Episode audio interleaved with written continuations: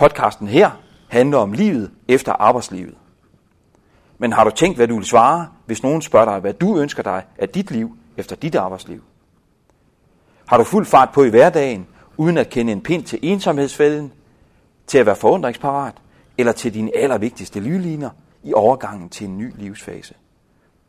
Måske burde du lytte særlig godt med, hvis du i dette sekund får den gamle, velkendte tanke, at det overvejer jeg en anden dag.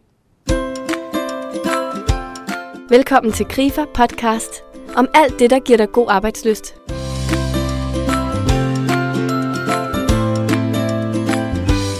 Margrethe Boner er i dag landsformand for Seniorer Uden Grænser og forkvinde for hundredvis af mennesker rundt i Danmark, som hver eneste dag har deres personlige og faglige kompetencer i spil til fordel for stribevis af spændende humanitære projekter rundt i udviklingslande verden over.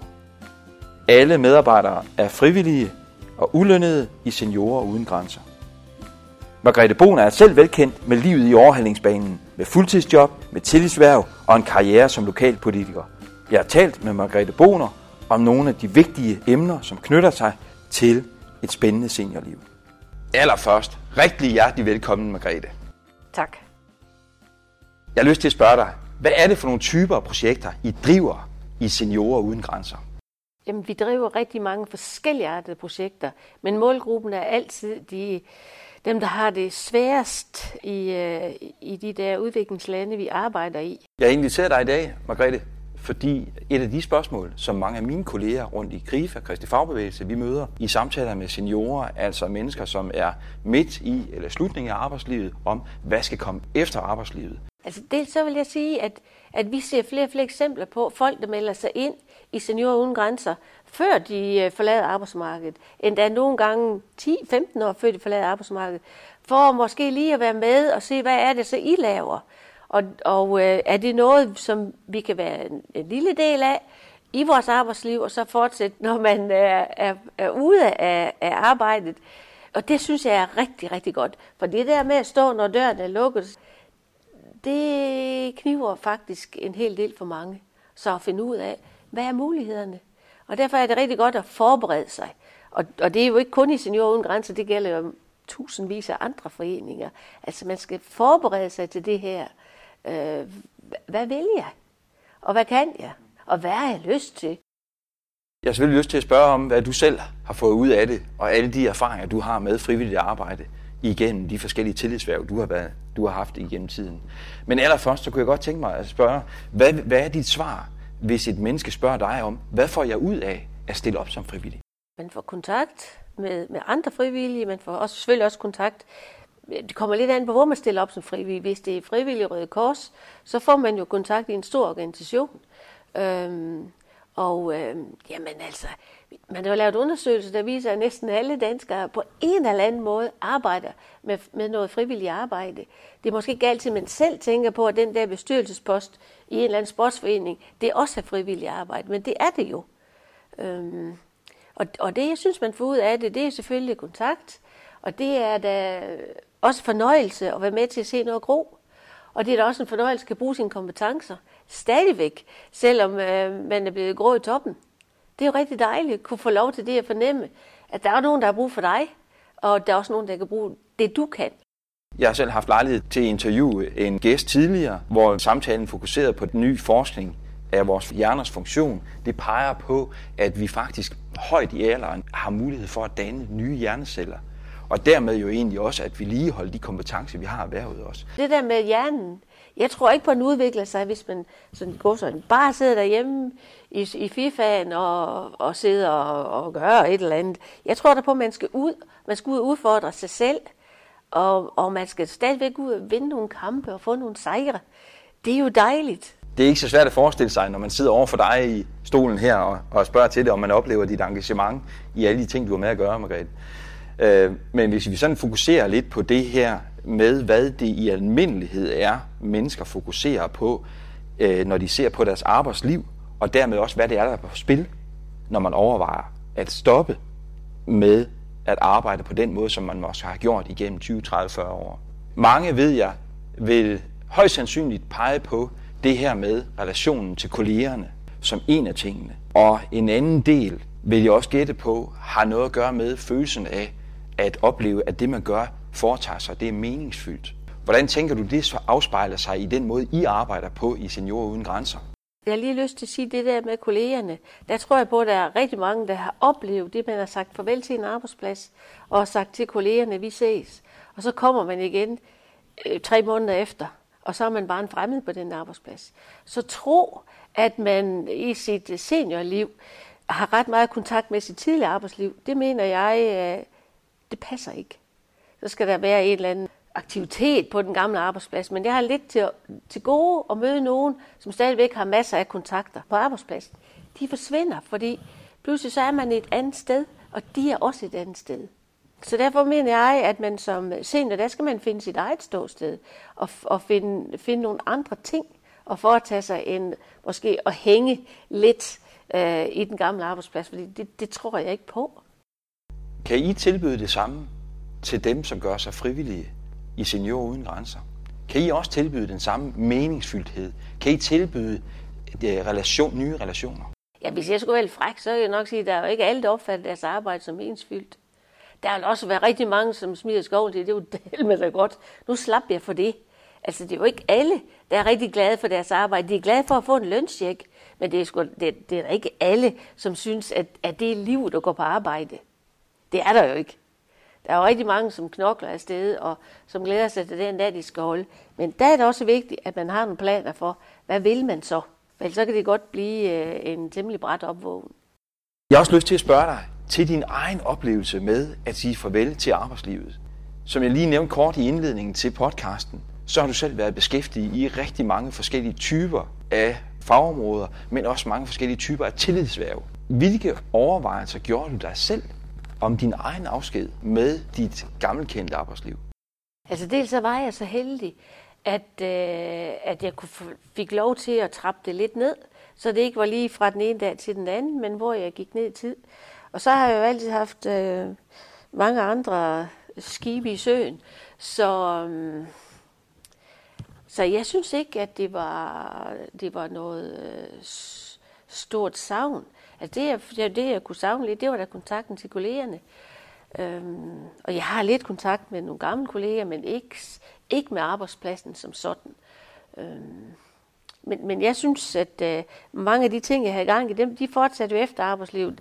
Dels øh, så har jeg jo været politiker, det er jeg sådan set lidt endnu.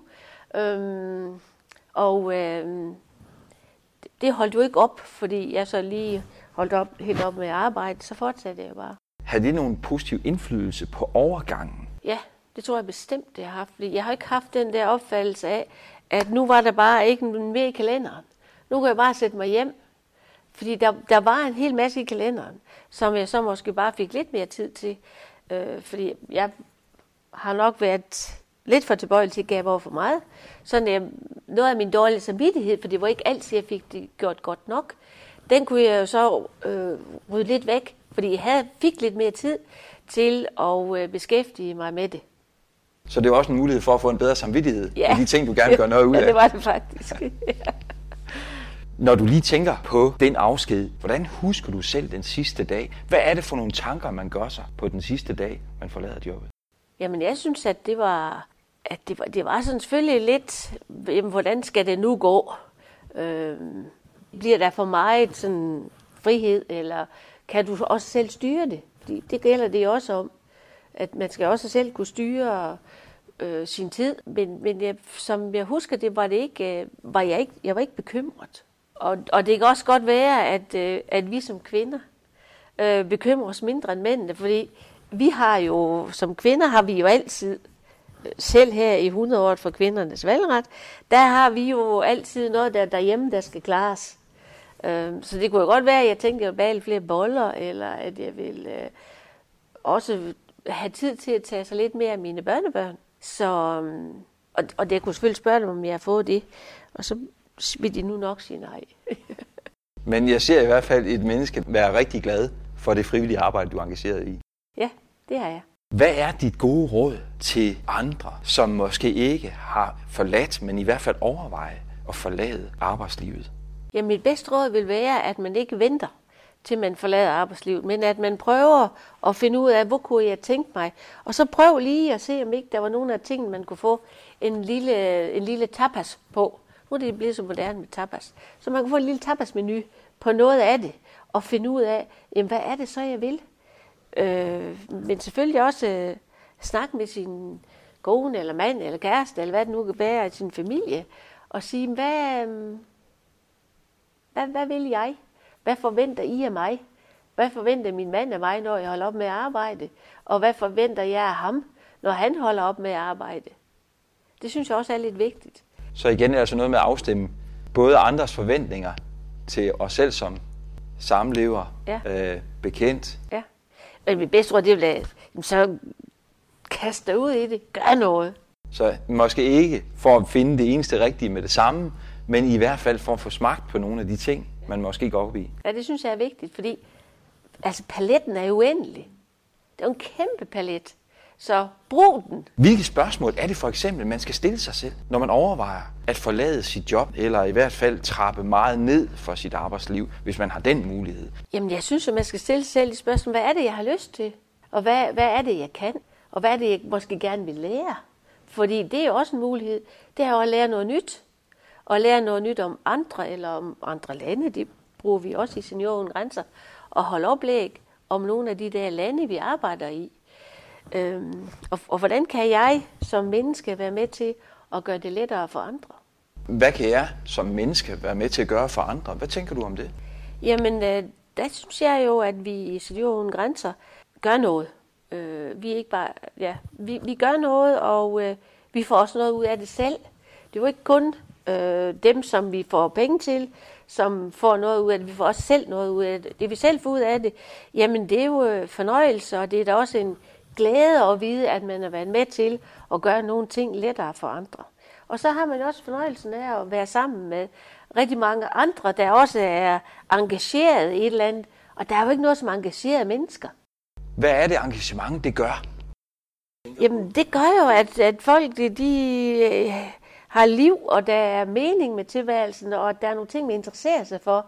Og der er også nogle, nogle ting, som man måske godt kunne tænke sig at vide noget mere om. Og derfor bliver man jo også sådan lidt mere søgende. Og det synes jeg jo er vigtigt, at man, at man øh, bevarer sin øh, nysgerrighed, og at man er parat til, øh, til at gå i gang og prøve noget nyt. Og man skal være, hvad man nu siger, man skal være forundringsparat. Og det synes jeg, man skal blive ved med at være. Så er forundringsparat som supplement til at være forandringsparat. Ja. Det synes jeg var interessant. Begge dele er rigtig godt. Der findes også eksempler på mennesker, som måske nok kunne ønske sig et spændende liv efter det arbejdsliv, som de har haft i rigtig mange år. ja. Men som oplever en meget svær overgang. ja. Og måske lige netop nu står midt i det. Hvad er det, hvis du skal give et råd til de mennesker, som er i den situation lige nu? Oplevelsen af at have sagt farvel til kollegerne, men måske også uden at have skabt et nyt meningsfyldt indhold i hverdagen. Hvad er det for et råd, du har lyst til at give til de mennesker? Jeg- jeg ved jo, at det er svært, fordi selvfølgelig har jeg snakket med en hel masse, som, eller med nogen, som, som synes, det var godt nok noget træls, for at sige det på den måde. Men- det bedste, og, og der, der har man sådan lyst til at sige til folk, jamen så gør noget, tag dig selv i nakken og gør noget, altså. Det er jo sådan set lidt ligegyldigt, hvad du gør, bare du gør noget. Og det, det, det, det dur ikke rigtigt. Men, men der må man jo vise folk nogle øh, muligheder. Prøv at udbrede paletten for de der folk, og prøv at finde ud af, hvad kunne du tænke dig? Og så måske prøve at hjælpe vedkommende til at komme lidt i gang. Hvis jeg ser et menneske i mine omgivelser have svært ved den overgang, hvad er det for nogle typer af spørgsmål, jeg kunne stille til vedkommende? Jamen det, så kunne man jo prøve at sige, hvad så, skulle vi ikke lige, øh, skulle vi ikke gå sammen til det her? Kunne vi ikke følges ad? Øh, og det kunne være til et møde Senioren Grænser, det kunne også være noget helt andet, ikke? Det der med at tage folk i hånden og sige, jeg kommer og henter dig, så følges vi ad. Det tror jeg, det er en rigtig god indgang til rigtig mange ting. Når vi taler om det her med overgangen, måske til noget med frivilligt arbejde, hvad er det for en fælde, tror du, at mennesker går i, når de oplever, at de ikke har fået sig gjort tanker om livet efter arbejdslivet? Jamen, det, det kan jo være den der ensomhedsfælde, hvor man øh, pludselig finder ud af, jamen, øh, der er jo ikke brug for mig. Øh, her sidder jeg bare, og, og der er jo ikke nogen, der henvender sig. Telefonen ringer ikke. Der er ingenting på mailen. Hvad skal jeg? Øh, og det er svært. Øh, og det, jeg tror på, at desto hurtigere man kan komme ud, desto bedre er det. Øhm, og, og det jeg i hvert fald kan se i det arbejde, jeg har, at der er kvinder altså noget bedre til det end mænd. Det med den lavere deltagelse fra mændenes side, det kan jo skyldes, at de har en lavere interesse i det. Hvad er det for, nogle, hvad er det for et par spørgsmål, man måske kunne bruge til at åbne samtalen med? Jamen, altså, det, så kunne man jo godt snakke lidt om arbejdslivet. Hvad, hvad er det i grunden, hvad er det ondt, du har lavet? Og hvad, og hvad, hvad har, fordi altså, et arbejdsliv er ikke kun et arbejdsliv. Det har også været et, øh, et, øh, der, der er jo stadigvæk, selvom man har haft et arbejde, så har man også haft fritid. Og den fritid har man jo brugt til noget. Så kan man jo godt spørge, hvad, hvad, har, hvad har du lavet? Sådan, ikke kun i arbejdslivet, men også i fritiden. Tak for det. Hvis du skulle give et rigtig godt råd til nogle af de mennesker, som skal til at overveje at forlade arbejdslivet inden for de kommende par måneder, hvad vil dit rigtig gode råd være til dem? Hvilke spørgsmål er det, de kan stille sig selv lige nu? Jamen, jeg synes jo, man skulle stille sig selv det spørgsmål, hvordan forestiller jeg mig i grunden, at jeg gerne vil leve resten af mit liv? Hvad er det, jeg gerne vil fylde i mit liv? Det kan også være, at jeg har nok til at fylde i mit liv, så er det fint nok. Men hvad er det ellers, jeg vil fylde i mit liv? Øhm, og så vil jeg prøve at, at, at få den der palet, som der jo er, af muligheder, få den bredt ud og få set alle de smukke farver, hele det spekter, der er på den der frivillige palet, den vil jeg prøve at få bredt ud. Med den gode opfordring fra Margrethe Boner siger jeg tak til Seniorer Uden Grænser og giver spørgsmålet her videre til dig. Hvad ønsker du dig af resten af dit arbejdsliv og af livet, som kommer efter arbejdslivet?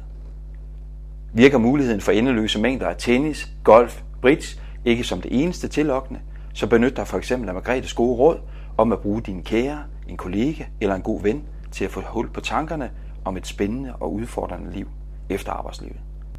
Er du fagforeningskunde i KRIFA, så benyt dig også af tilbuddet om at få en gratis karrieresamtale med fokus på dit seniorliv og om, hvordan du gør en god overgang til livet, hvor du bliver din egen chef.